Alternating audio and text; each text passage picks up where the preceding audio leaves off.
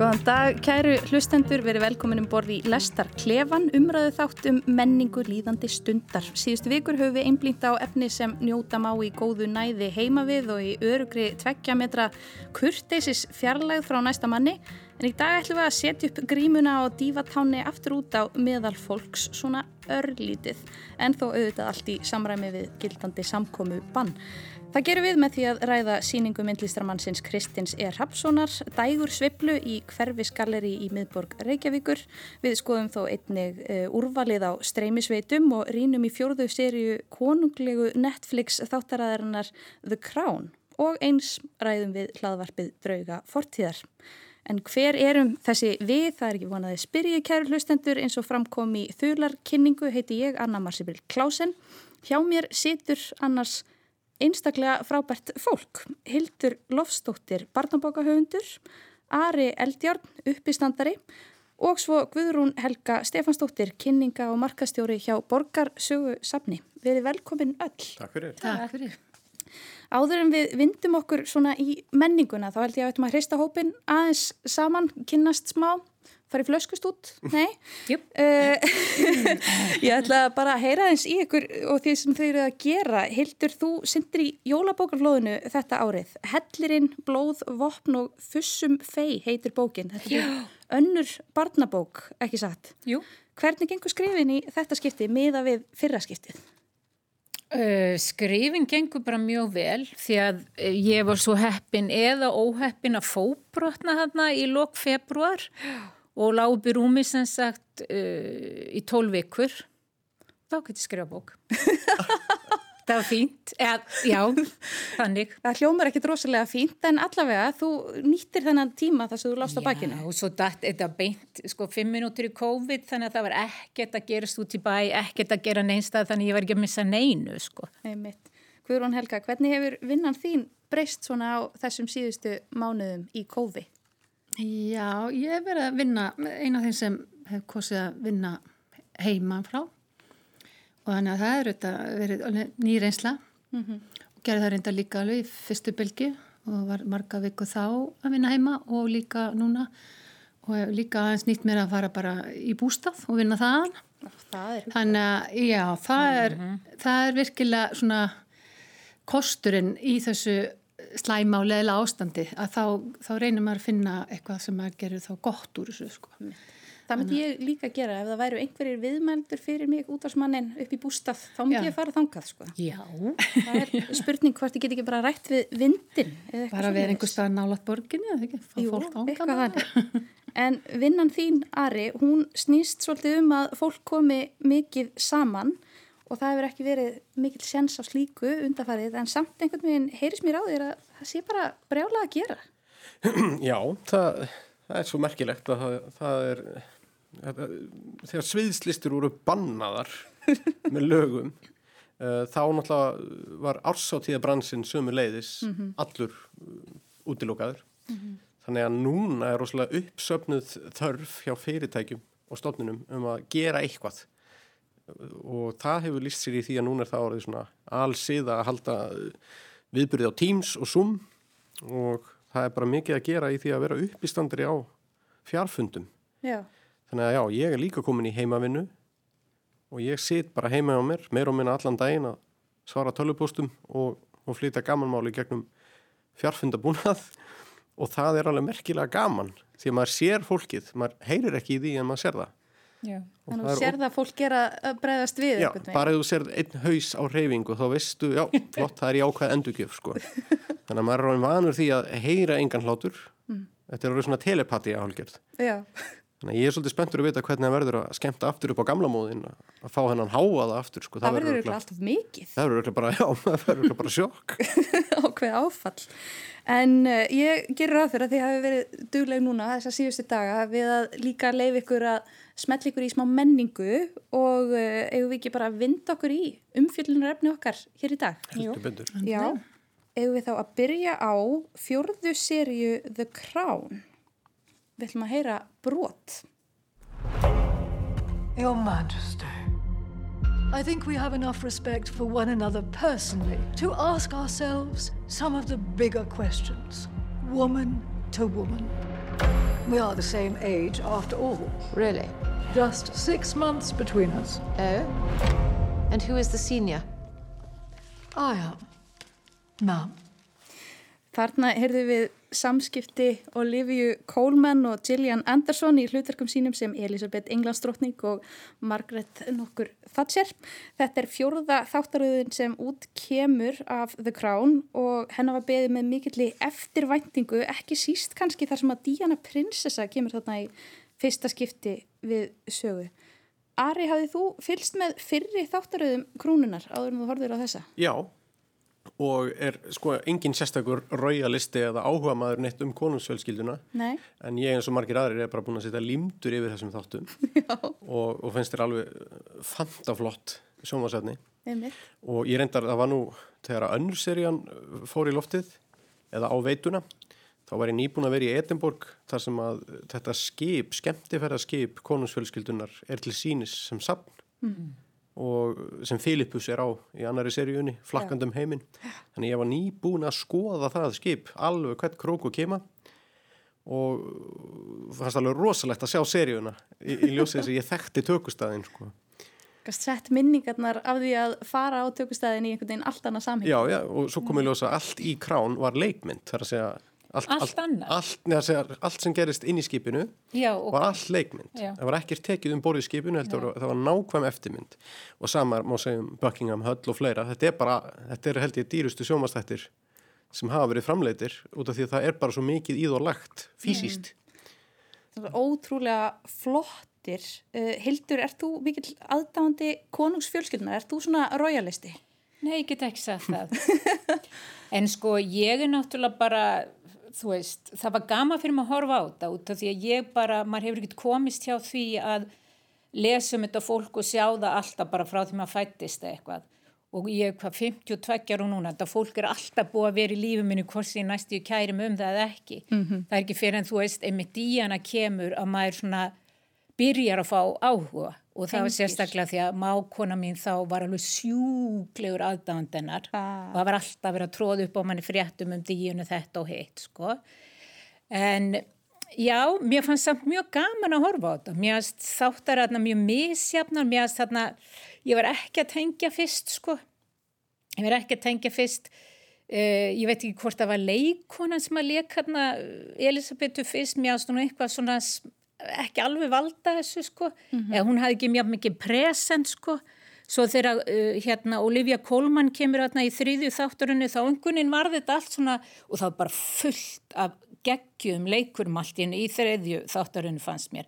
Og stækka þetta einhvern veginn og varð svona meira og mér fannst miklu meira varið þetta. Og ég verði að segja fjórða þáttarun, mér fannst hún miklu síður, mér fannst þriðja þáttarun eða þú veist, segjum að þáttaröð, mm. Já. eða allt þáttaröð eða, Já, eru Serja, þrið- já. eh. mér fannst hún bara langt og skemmtilegast, held ég að því hún var svona, það byrja að ka- kafa svona almennilega onni karakterina -hmm. og þú veist þarna, við kynnum sko Karli Bretaprins fyrst þá -hmm. og hann er mjög svona geðslegur allavega í byrjun, þú veist bara svona kannski smá naív en svona villvel og, og góðu drengur eins og gaman hérna þegar hann fótt til Wales, mér finnst það mjög skemmtilegu þáttur. Já. og líka skemmtilegur eða svona og átakalegum þáttur líka sem gerist í Wales þarna í kólanámanum þannig að mér fannst þessi þáttur, þessi þriðja mun skemmtilegri heldur en sko fjórða. Og maður þekki díunu best. Þannig að ég var alveg svona en hvað með þetta, en hvað með þetta af hverju er þetta ekki sínt og þú veist þannig að, en hún heldur vist áfram það er byrjað að gera 50 þáttaröð og hún heldur áfram þar, þannig að Mikið rétt. Það er nóg eftir. það er nóg eftir En við erum komin svolítið nær þessu sem er svona okkur, Já. nær okkur í tíma. Já. Og þá kannski fer maður að horfa á þetta með svolítið öðruvísi augum. Algjörlega. En að því að þú nefnir þetta með leikin, Guðrún Helga, hvernig fannst þér leikarandi standa sig? Hver finnst þér standa upp úr svona í þessari þáttaröð? Sko ég er henni, mér fyndin í stöðu sko því ég er sömstöð og flósi Já. og það er þannig að sko ég skrifaði niður það sem hún saði mér að ég ætti að horfa á og það stóð þriðja serja þannig að ég horfið á þriðju serju Oh, sem er best. sem er best, Heppin. þannig að ég bara tek boltan hérna hjá henni hildi að því að mér var allavega sko ég var búin að sjá meiri hlutan fyrstu seríuna, ég er ekki búin að sjá aðra og að eina ástæðan fyrir því, sko ég elska svona þess að ég kalla í rauninni kostjúmdrama. Já. sko ég er kannski ekki einhver royal, royalisti en mér bara leikurinn og búningarnir og myndataka, þú veist, þetta er bara allt svona konfekt og líka talað um tónlist. Bara tónlistin í byrjun, þú veist, hún svona grípum mann og setum mann í stellingar og, og nú er eitthvað eitthvað skemmtilt að fara að byrja og þú veist, svona alveg bíó.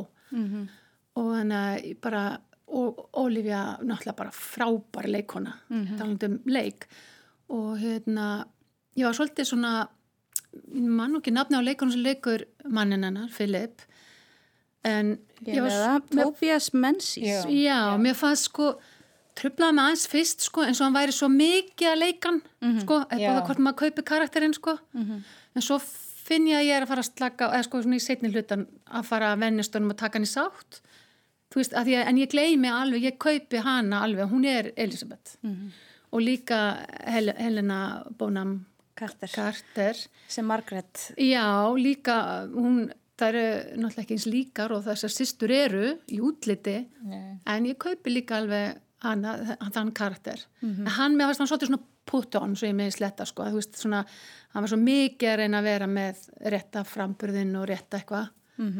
Og við tók eftir því að hann sko, hann opnar eiginlega ekki munni þegar hann talar, það er bara allt sko svona, þú veist, það er eitthvað í sama bitið, þú veist, allt sem hann segir. Það er alveg satt. Já, það, og þetta er allt, þú veist, þeir eru alltaf búin að stúdera upptökur af þessu fólki Algjörlega. og þetta eru þetta ákveðin kunst eins og alltaf Ari veit, manna best að ná alveg öllum núesum og svona þangar til þú bara verður þessi manneska og, og kannski hefur maður kannski ekki séð heldur Filip nógu mikið til þess að átta sig alveg á hversu vel hann er búin að ná honum sko. En, en hérna, já ég er bara glöð að það er sér, þessi þriða serja sem kannski er best en þú veist ég bara Það hefur verið svo svo rataðar á Já sko, maðurinn minn sagði, ertu nú alveg vissum að ætti að vera þriðja serið? Hann, jú, ég fór í minnisbókina mín á tekka, jú, ég skrifaði henn á þriðja. Nú verð ég eiginlega að upplýsa hlustendur um það að það sem Guðrún Helga er að tala um hér er það að síðast þegar að ég var með uh, þáttinn Læstarklefan fyrir einhverjum átta vikum síðar að þá var til miskilingur milli mín og Flosa Þorgerssonar viðmalda sem að hafði ekki séð eða hlustað á nema eitt af verkunum sem voru til umræðu þá og núna kemur þú og ég hef einhvern veginn sagt þér að horfa þriðju en ekki Ég sem er að skrifa nýður, sko. Já, ég held að þetta væri flósakenna síðast en ég þarf bara að taka þetta á mig held ég. Sveimur þá. Taka upp alltaf. Að þetta er tekið upp, hérna, þetta símtal. hérna. En er, það er ekkit gaman að þessu nema að vera einhver mistök. Já, en ég menna, þetta er bara stórkastlega þáttaröð. Ég alveg bara, það, já, það má engin missa þessu. En Þó að fólk sé ekki fyrir kostúmdrama eða hvað. Nei, og þetta er náttúrulega svo sögulegt, talandi um tunglferðina og allt mögulegt svona sem er tekið á og með þessi þátturum sem gerist þarna í, í kóla námuð þorpinu og já, mist, mist það bara, þetta er, mér finnst þetta geggja.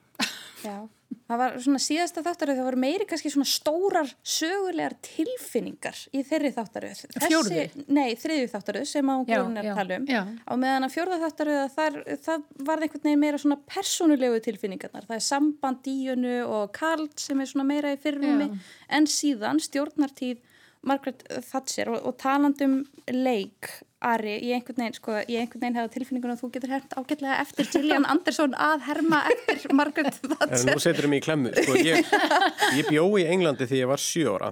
Það byggum við eitt ári í Canterbury og ég man ekki eftir þessu en mér er sagt að ég hafi leikið Margaret Thatcher mjög mikið. Nei, Því hún var alltaf í fjölmjölum, það var alltaf verið að gera grína henni og hún var alltaf í Spitting Image þáttunum sem ég horfið á og ég er náttúrulega man ekkert eftir þessu sko. En þetta var vist eitthvað númer, ég var bara beðin um að leika Margaret Thatcher fyrir gesti, bara, þetta er svo fyndið, sjáu þið drengin hann, en, en ég, hérna, ég var eitthvað aðeins að horfa gamlar klippur af henni og, og sjá til dæmis bara hérna, það sem var upphæfið að endunum hjá henni þegar hún var, hún var rosalega mikill anstæðingur Evrópusambandsins og það olli miklum klopningi hennar flokki og varð á endanum til þess að hún fjall líka bara hvað hann var uh, rosalega svona uh, mikill drottnari sko í flokknum. Og það er fín klipp á YouTube þar sem hún flyttur ræðis mér oft köllu no, no, no. Já. sem hún segi no, no, no. Og hún, hún tamdi sér víst talanda þegar hún varð formannsefni að tala svolítið bara eins og kall Mhm. þess að hún, röddinn hennar breyttist víst alveg rosa mikið á 18 áratögnum Hún fór vist í rattþjálfun Já. þess að lækka röddina sko. to lower the voice and improve the diction og hún talaði eiginlega ekki eins og manneskja sko. hún talaði bara svolítið eins og maður var bara pínur hrættu við hana Einmitt. og Gillian Anderson nær þessu fjandi vel og það sem að, það er líka, ég er vennilega ekki maður sem tekur mikið eftir hlutum eins og hárgreðslu og, og þegar fólk er eitthvað svona, ó það var svo flott hárgreðslan á þessum og þessari á þessari afhendingu, ha, ertu pæli hári? En ég bara sá hvað það búið að leggja mikið í að negla lúkið á hárinu á Margaret Thatcher og það breytist frá því hún tekur við 79 þangar til að hún er alveg að bugast þarna 90 þegar hún þarf að hætta Vá. það er bara rosalegt að sjá það er bara eitthvað teimi sem er búið að vera með hárið hennar á heilanum og negla það og, og mér finnst þetta, þetta skemmtilega að skrifa sko, það er í raun farið yfir mjög langt tímabil hjá Margaret Thatcher í þessari serju, þetta er 11 ár. Og rosalega djúsi og fýtt þátturinn hérna með Falklandsstríðið en það er samt ekkert mikið farið í það stríð í raun sko. Það var miklu meira gert úr því í myndinni það sem Meryl Streep leikana en, en það var, uh, mér finnst það svona vel leist. Það var bara svona, það var bara ala lagt upp með að sína bara hvað hún var hörð og miskunnalaus og, og klók sko, að fatta að þetta er bara leiðin. Hún var að standa þarna fyrir mjög óvinnsælum aðgerðum og, og þetta tryggði vinsældir hennar sko. En það er einmitt, kannski einhverjir sko svona harðir tatseristar sem vissulega eru til hér á landi og ég þetta Hannes Holmstein hafi verið að tjá sig um hana bara núna um daginn sko. Þeir eru kannski ekki hrifnir að því hvernig Nei. hún er sett fram í þessum þáttum. það er bara ákveðin kynslu af stjórnmálamunum sem lítur á Tatsi Reagan sem gullöld alþjóðleira stjórnmála sko. og það verður ekkert, það skiptir engumáli hversu, hversu, hversu flott búningadrama er gert sko. Mör, mörgum svoleiðis stuðnismönnum Tatsir finnst hún ekki nota sannmælis en sko í mínum kreðsum hjá ennskum grínustum þar er, þar er ekki mikil samúð með Margaret Thatcher eða Nei. því sem hún stóð fyrir sko, því hún Nei. var náttúrulega mjög mjög hörð í sínum aðgerðum En hvernig var hann samburðið við Meryl Streep sem tók hana fyrir? Það er aldrei íktari, er það ekki? Gillian er svona aðeins meira Aðeins hún- íktari. aðeins íktari, en ég fíla það eiginlega Mhm. betur sko. Mér finnst það eiginlega svona Já, það er eiginlega erfitt að segja, þetta er eiginlega tvær nálganir sko. Það er Mhm. gera þetta báðar fjandi vel. Svo En verðum Gillian við, er aðeins, aðeins harðari típa finnst mér og skemmtilegri. en við verðum líka að koma inn á það að eh, eins og þú varst að nefna áðan að þá uh, eru sumum sem að finnst hún bara svolítið aðlaðandi í þessu hlutu. Já, það er, það er fólk mikið að deila því á Twitter núna að það sé mjög ringlað yfir því að Gillian Anderson sem þykir nú bara með falleiri konum það er mjög mikið fólki sem segir bara vola líður mér eitthvað förðulega mér finnst þess að ég sé farin að laðast að Margaret Thatcher. Og þetta er að trenda á Twitter núna. Eitthvað smá perverst við það. Já, þetta er kallað kallað thirsting. Don't, I'm so confused, I'm thirsting for Margaret Thatcher. I'm thirsting for Gillian Anderson as Margaret Thatcher. It's not right. En nú hildur að því að þú sagðir þetta með hann á díunu hérna áðan og, og kannski þið öll í þessari þáttaröð þá er ekki sínt frá andláti díunu prinsessu. Það er yfirvofandi í næstu þáttaröð. Eða þáttaröð, eða það verða gerða þáttaröðum. tvær. Er tvær í viðbót, við vitum ekki hvort það kemur næst eða það næst, við vitum bara að það kemur og þetta er, fyrir mig er þetta þrúandi ég, ég kvíði þessu. Þessi, er- þessi endar 90 þannig að það hlýtur eiginlega að gerast. Býttu 90 og, já, hvenar fer hún? 97? 97 Mhm. Já.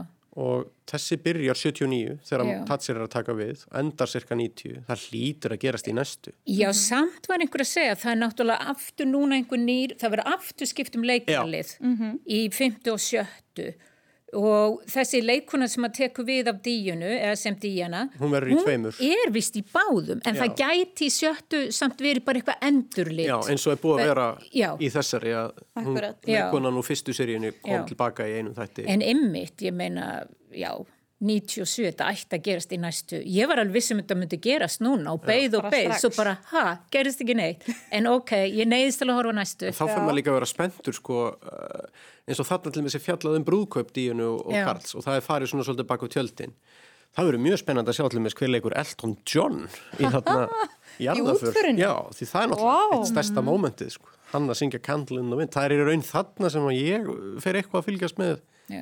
er Já. þessu fólki sko því það bara aðteklið var svo mikil í kringum þetta. Ég náttúrulega var áttara og þetta var svo sannarlega í fyrst skipti sem að ég fór að fylgjast með þessu fólki Já. því að ég man það að barnatímanum var frestað því að það þurfti að sína útför dínu Já. prinsessu en þeir eru þá ekki eins og ég sko þeir eru hljómið spennt ég er kvíðin Guðrún, er þú til í þetta? Já, ég er bara mjög spennt. Að vísu finnst mér alltaf meira gaman þegar eftir þessum lengra farið aftur. Þú Veist, það er svona þessi kostjúmdrama. Ef það kemur of nálat manns eigin tíma þá er það ekki eins sama upplöfunin. Og þarna sér maður einmitt svo fallega fatna og elegans og allt þetta sko. Og við vitum eftir þessum færist nær okkar einn tíma þá dregur svolítið úr þessu. Við fyrir að vera öll miklu afslappar í klæðabörðu og alls konar. Og líka ef maður þekkir eh, viðfóngsefni þáttarins þá þegar ef það er komið nærmann í tíma Já. þá hugsa maður, já, hann er stikla svolítið á stóru. Já, Já, það var þannig með gagnrýnni. díunu. Já. Já, það, maður, ég held að mjög margi séu einmitt svolítið svona, meiri díunu, Já. þarna, viðst, þetta er svolítið rætt þarna, 81, 87 ég maður til að horfa á hvað í fyrstu seríunni, þátturinn um þókuna það sem að var svona Já, smog í Churchill, Lond Það var æðist. Churchill þarna og var mengunin. Já. þetta er eitthvað sem ég vissi bara ekkert um nei, einmitt. nei. þannig að ég fekk ekkert svona tilfinninguna já, ég er nú vel að sjá meira af þessu og þessu því ég bara hefði aldrei heyrt um neitt af þessu Já. En það er kannski svolítið þannig með díunum maður, maður er nánast með það lítur að vera svolítið erfitt líka eins og minnst þessi leikon að leysa þetta rosalega vel Já, mér finnst það líka. og leikur í raun og veru sko Díunu Já. megnið að tímanum sem er. Svona áður hún verður er að verða prinsessan En hvað sko. finnst ykkur um þetta að vera að skipta um leikar alltaf, þú veist, eða þú veist, mér, finnst, mér finnst þetta svolítið bara eins og þegar fótboltalið skiptir um eh, helming í hálfleik ég er svona rugglaður í smá stund Já. þegar að setni hálfleiku byrjar svo og svo það- venst maður Já.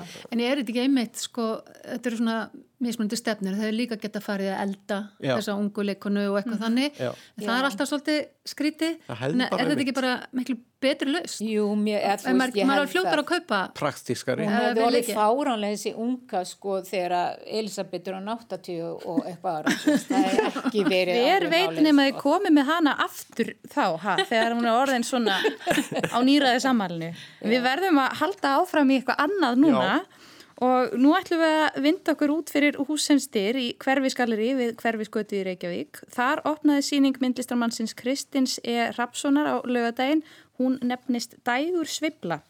Og í kynningu segir að í verkum Kristins megi greina heimsbyggilegan þráð og vangaveltur um rúm og tíma, reyfingu, afstæði og tungumál. List hans fjalli um mannin og skilning hans á umhverju sínu og hvernig náttúrin, náttúran mótar sín hans og samskipti.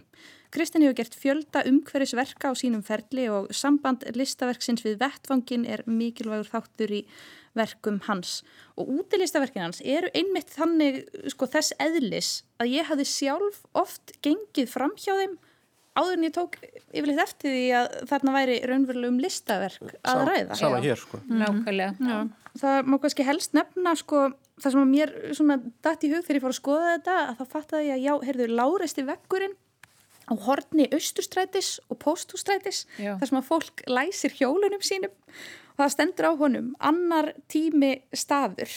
Það er verk eftir Kristinn og svo er við menningarhúsið Hof á Norðurlandi annað verk, uh, það mætti líta það sem áttavita nema það að allar áttirnar eru mertar norður.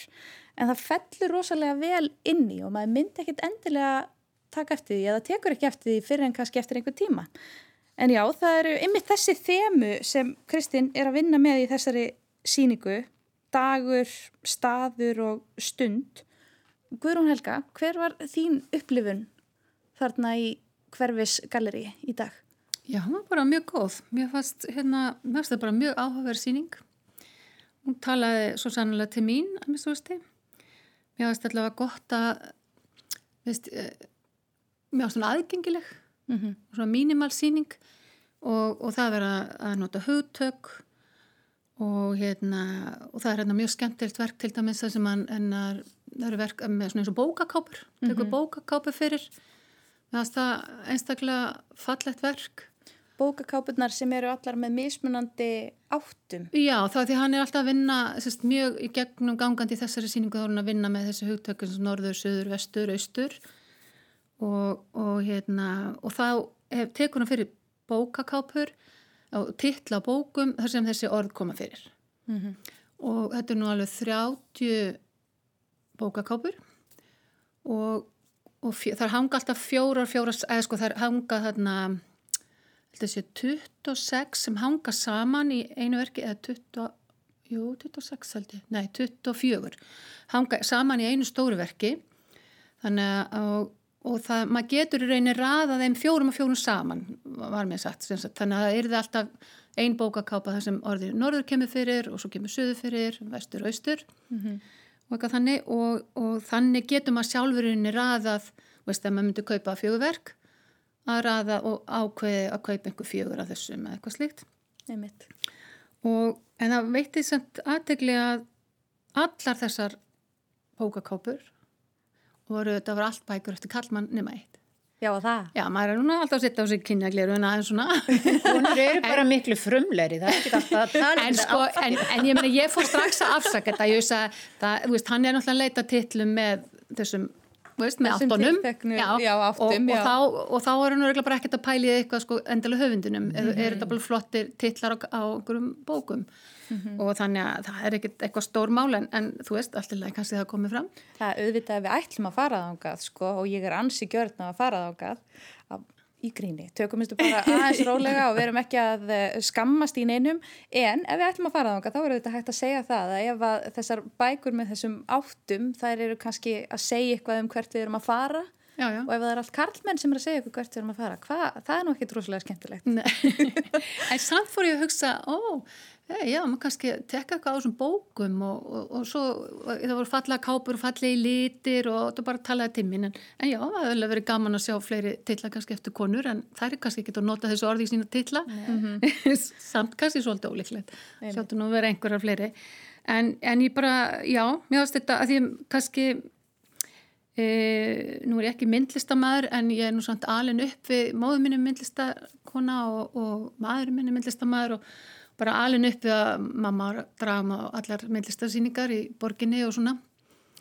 Þannig að já, oft síningar er alveg misaðgengilegar. Mm -hmm. þannig að, að þessi síning er aðgengileg og mér finnst það kostur, mér finnst það stór kostur. Sumar eru það óaðgengilega kannski fyrir marga sem er ekki kannski inn í myndlist þannig að þá virka það fráhrindandi. Svo mikilvægt að öllum finnist þeir eiga heima og, og skilja eitthvað. Þetta sé ekki eitthvað svo þetta sé svo, eitthvað svo djúft að fólk nær bara enga veginn upp í hvað að vera fjallum. Mm -hmm. og þetta er, þetta er alveg heimsbyggilegt náttúrulega. Og það vera staðsött okkur í tíma og rúmi og líka sagt, persóna mm -hmm. og, og vera að leika sig með það. Og hérna bara, já, staðsetja okkur í tilverunni og, og bara, og það er það sem við erum alltaf að gera sjálf, mm -hmm. veist, við erum að hugsa, maður fer eitthvað, hvar, hvar maður staðsetjur sig þarna þetta fjall eða þarna þessi bygging og eitthvað svona, hvar eru áttirnar? Og, og hérna, ef maður fer til einhverja borgar sem aldrei farið áður, þá er maður akkurat í þessu. Og hvaða tími dags er morgun og, og, og eitt kannski sem má kannski bæta við núni COVID. Dagarnir renna svolítið saman. Mm -hmm. og þarna er kannski að vera að segja svolítið að dagarnir eru svolítið eins en samt er einhver varjósson í einhver tilbreyting í hverjum degi. Mm -hmm. en ég verður að segja núna í COVID dagarnir renna bara svolítið saman. Mm -hmm. þegar ég er alltaf heima að vinna. Og þannig ég bara stundum ekkert vissum bara hvað dagur er. Ég þarf svolítið að hugsa um um. Um daginn lendi í því sko að ég held að væri þriði dagur var í sístu viku það var miðgudagur, ég grætti í dag. Þú veist, en þetta bara þetta renn, en svo heyrði ég í, í, í vingu hennar einni sem er að vinna með mér hún er í sömu stöðu hún, það var auðvitað hjá henni, ég held að það var fymtudagur hún, hún tapaði einn deg Já, það er hljóma meira svo ég. Ég var bara, yes, ég grætti í dag eða eitthvað þannig en, en hérna, já, já, já en bara aðgengileg og áhugaverð síning og, og, og áferðafalleg bara já. mjög falleg og, og vel uppsett og og, hérna, og það var líka að vera að tala um dægursveifluna mm -hmm. þú veist það var eitt verk þannig sem var einstaklega fallegt uh, og, og Málmverkið sem að gætt sveiflast þarna á já. vegnum Já, já. það var mjög fallegt já. En það, það fekk mig til að hugsa svolítið um þessa endurtekningu sko, og þetta og eins og merkið á gólfinu sem að hérna maður gætt gengið yfir þar sem að er öðrum megin daginn út og hinnum megin daginn inn og þá einhvern veginn maður getur gengið þetta fram og tilbaka og alltaf verið á sama deginum einhvern veginn. Já, mér fannst það er mitt vera svolítið svona, er þetta einhver svona hennar Groundhog Day eða eitthvað svona alltaf, alltaf eins sko Akkurat. en, en, en samt er verið að segja líka það er samt tilbreytni, þetta er ekki Já. Hildur, hver voru þín svona hughrif á síningunni? Þau voru bara mjög fín, ég kannski tók þetta aðeins út frá sko einhverju svona frá öðrum pól en ég hérna ég mitt kom aðna og hugsaði bara ég veit ekkert um myndlist tími og rúm eitthvað heimspekilegt og ég var alveg svona hrættum að ég myndi ekki geta sagt neitt um þetta. Já. en sem sagt þegar maður kemur inn þá er hérna texti eftir hérna Ragnar Helga Ólafsson sem er ótrúlega flottur penni. Og hann talar um, eða þú veist talar um tíma og rúmið og svo þriðjubreituna sem er áhorfandin og, og sko fyrirsögnin er þetta er bara ekki eins án þín. Þannig að allt innu var ég orðin þriðja breytan og þá fór ég aftur að hugsa hva, til hvers er ætlast það mér hérna? Og svo leiti ég á fyrsta verkið og bara pam, tengdi strax. Þá stóð bara, hvað var það? Eh, daginn þann daginn. Og allt í hennu bara flutt upp einhverja fallega góða minningar bara ég man, ég man. Þú veist, og svo kom eitthvað kvöldið það kvöldið og þá komu fleiri minningar nóttin, þá nóttina. Og ég bara já, æðislegt. Svo kom hérna morgunin eh, býtu hvað kom? Morgunin eh, hérna þegar morgunin. Þá er allt inn búið að henda manni sko úr minningunum yfir í framtíðina, hvað gerist þá þannig að mér fannst það mjög skemmtilegt verk. Mér fannst skemmtilegt verk líka þú veist, ok, ég er á þannig stað í lífinu og ég er bara svona mikið að pæla í sjálfur mér og lífinu og emitt svona bara áttum hvert ég er að fara og hvaðan ég kem og svona. Fallegur staður að vera á. Þannig ég tengdi mjög mikið og það var hérna einmitt þessi dagursveifla sem að einmitt talar um hvernig sko dagurinn er bara svona í dag og öðruvísan morgun eh, og svo var hérna verk sem var bara svona ein mynd sem að stóð uh, stöðug, hvað stóð, stöðug óvissa. Það sem að þetta var hérna Hreit Friðfinns og listamæður sem hafi skrifað þetta. Og hann býr til verkur þessu og bara einmitt líka lífið er sko stöðu óvissa. Og mér- ég tengdi líka við þessar myndir sko þessar bókakápur þar sem allt var sem sagt suður, austur uh, hérna norður og vestur. Og hún saði mér Sigriður sem var með sýninguna hún sagði sko að hvert verk væru fjórar myndir.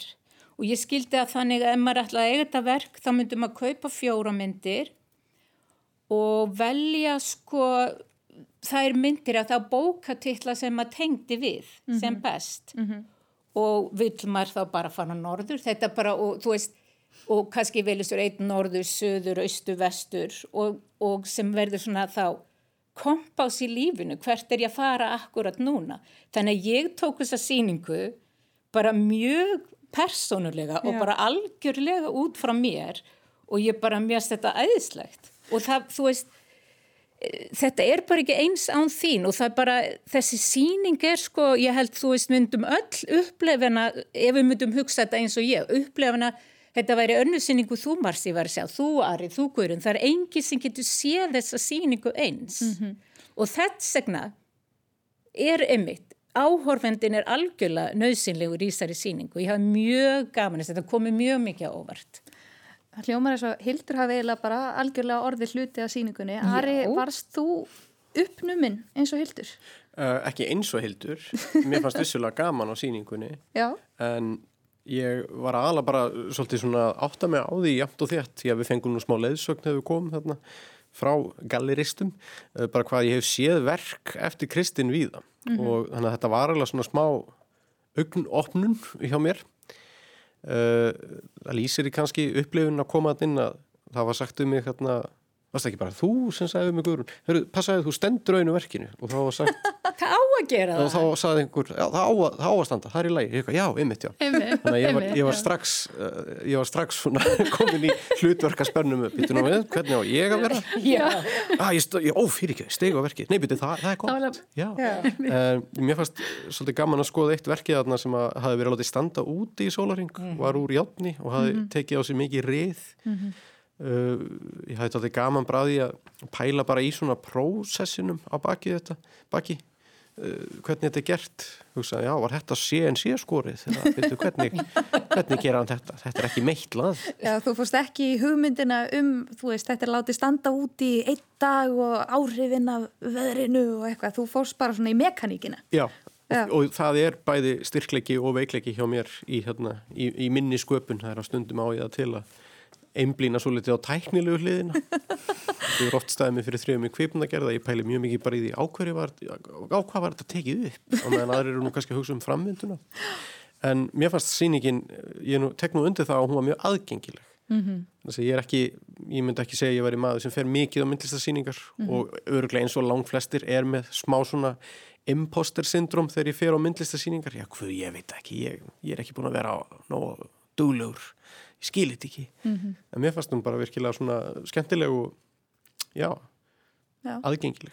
Það skiptir líka bara svo miklu máli að fá leiðsögn, sko, einhvern veginn að hafa einhvern sem að segja manni svona, maður bara nýtur allra listasinga miklu betur. Þetta er líka svo mikið í hausnum á manni sjálfum sko. ef maður ætla bara að koma og skanna yfir þetta eins og matsmaður frá TM bara, sjá, hér, hér, Já. hér og hér það eru 19 verk, takk fyrir mig hún var góð, hún var fín þessi Já, þá er upplifunin ekki sterk. það er einmitt gott að fá einhvern sem að hjálpa manni að bara tala sig aðeins í gang og, og byrja að fantisera eitthvað sjálfur sko. Já, algjörlega. Og það er uh, heppilegt við hverfiskalleri að það er lítið og þá er auðveldra að fá leiðsögn. En Já. við verðum að snú okkur að næsta efni. Við erum bara að spjalla svo mikið að við höfum svo lítinn tíma eftir og við, við þurftum bara að nota skákklukku held ég já ég bara, held það, ég þurfti að vera að smetla svona á milli. eins og í Queen's Gambit Eða við núna að tala um Queen's Gambit, við bara skiptum yfir. Já, nú tókum við annan Nei, krók. heyrðu, við ætlum að snú okkur að draugum fortíðar og við ætlum að heyra stutt tóndæmi. og flugtyrnunum þá hérna fara þeir að sjá að það er eitthvað það er UFO, hérna Unidentified Flying Object og þeir tilgjena hérna alla flugular Unidentified Flying Object og gefa upp stafsendingu og þá kallar einn inn Já, ég held ég viti hvað þetta er ég held ég að við séð þetta Nei. og, og hvað getur líst þessu? Já, þetta leit út fyrir að vera maður í stól með riffil Já, þarna heyrðum við í Flosa Þorgersinni sem að var einmitt fyrir átta þáttum síðan hér í lestaklefunum segja Baldri Ragnarsinni frá flugkappanum kostulega Larry Walters uh, í þriðja þætti af uh, draugum fortíðar sem heitir einfallega Larry fer á flug. Þessi þættir eru gefnir út af hljóðkirkjunni, það er einhvers konar, eins konar hlaðvarps samsteipa, margir þættir undir þessum hatti en draugar fortíðar gengur sem sagt innmitt út á þetta sem við heyrðum að Flosi sem er sagfræðingur á ment segir Baldri og þar með hlustendum líka áhugaverðar sögur úr fortíðinni. Uh, Ari, þú hefur hlustað á alla þættina og bara fylst vel með þeim. Já, og það er algjörlega gerst bara svona lífrænt. Ég er ekkit vola duglur við að svona fylgja eftir ákveðnu hlaðvörpum en í ljósi sögunar og draugafortíðar ég hef hlustað á hvern einasta þátt og það er náttúrulega bara margar ástæður fyrir því. Það er bara svo gríðarlega mikill fróðlegur í þáttunum en svo náttúrulega hef ég bara alltaf haft mikið blæti fyrir Flosa Þorgersinni uh, þegar ég var lítill þá átti ég spólu sem hétt Ham í Reykjavík sem er mynd eftir uh, Markel sem að Já, kvipna gera menn sem að hérna gerum meðal annars hana síðustu veðiferina Já. þeir geru heimildamönd um Ham 1991 og þar er uh, fer Flosi á kostum að tala um drauma sína að verða svona David Attenborough rödd og, og hann eh, segir, minn dreymur um að lesin og svona náttúrufræðmyndir ég ætla nú að gefa ykkur tóndæmi. Við rætur Kílimanjár og fjalls. Þegar sólinn sest fara að kletta spórdregarnir á kreik. Og það eru mjög margir sem að hafa fylgst með flosa sem að segja nú er þetta að verða veruleg Já, Flosi er að verða nákvæmlega, ein af svona þungaviktaröddunum okkar. Já, En það sem kannski heldur mér svona spenntum er að það er svo fallett samband á milli Flosa og Baldurs. Baldur er allt í öllu, hann er, eh, hann er mótorinn á miðjunni, hann dælir boltum á Flosa og, hana, og þeir eru báðir að grínast hægri vinstri og eru með svona running gags, nota, nota mikið sömu frasana aftur og aftur. Og þeir ræða líka alltaf, þeir taka alltaf spjall í upphafi hvers þáttar, þar sem að þeir fara oft hressilega út fyrir allt því þeir eru báðir mjög mikið í að fjalla um sína krankleika, Flósi talar um, um sitt þunglindi og hvernig hann hérna, persónu gerir þunglindi sitt. Og Baldur talar mikið um hérna, aðtiklisbrestin sinn. Og, og þetta verður oft bara alveg brjálaðislega fyndið. Og uh, ég held ég hef aldrei hitt Baldur í eigin persónu. En nú er ég orðin svo rugglaður eftir að hafa hlustað á þetta. Með líður eins og hann sé einn af mínum bestu vinum. Einmitt. Og þa- það er svona, já, þetta er eiginlega bara orðið það slemt hjá mér að ég býð eftir að nýr þáttur kom inn á miðnætti. Aðfránótt miðugudags en þetta er svona með því meira ávanabindandi sem ég hef heyrt. Ég hef einmitt séð uh, inn á hóp, það er sem sagt hópur á Facebook eh, rétt undir 4000 manns eru í þessum umræðu hóp á Facebook um þættina Já. og margir tjásiðar af mikilli innlifun og alltaf reglulega þá eh, setur annarkvort flósið eða baldurinn þátturinn er alveg að koma, sorry og eitthvað.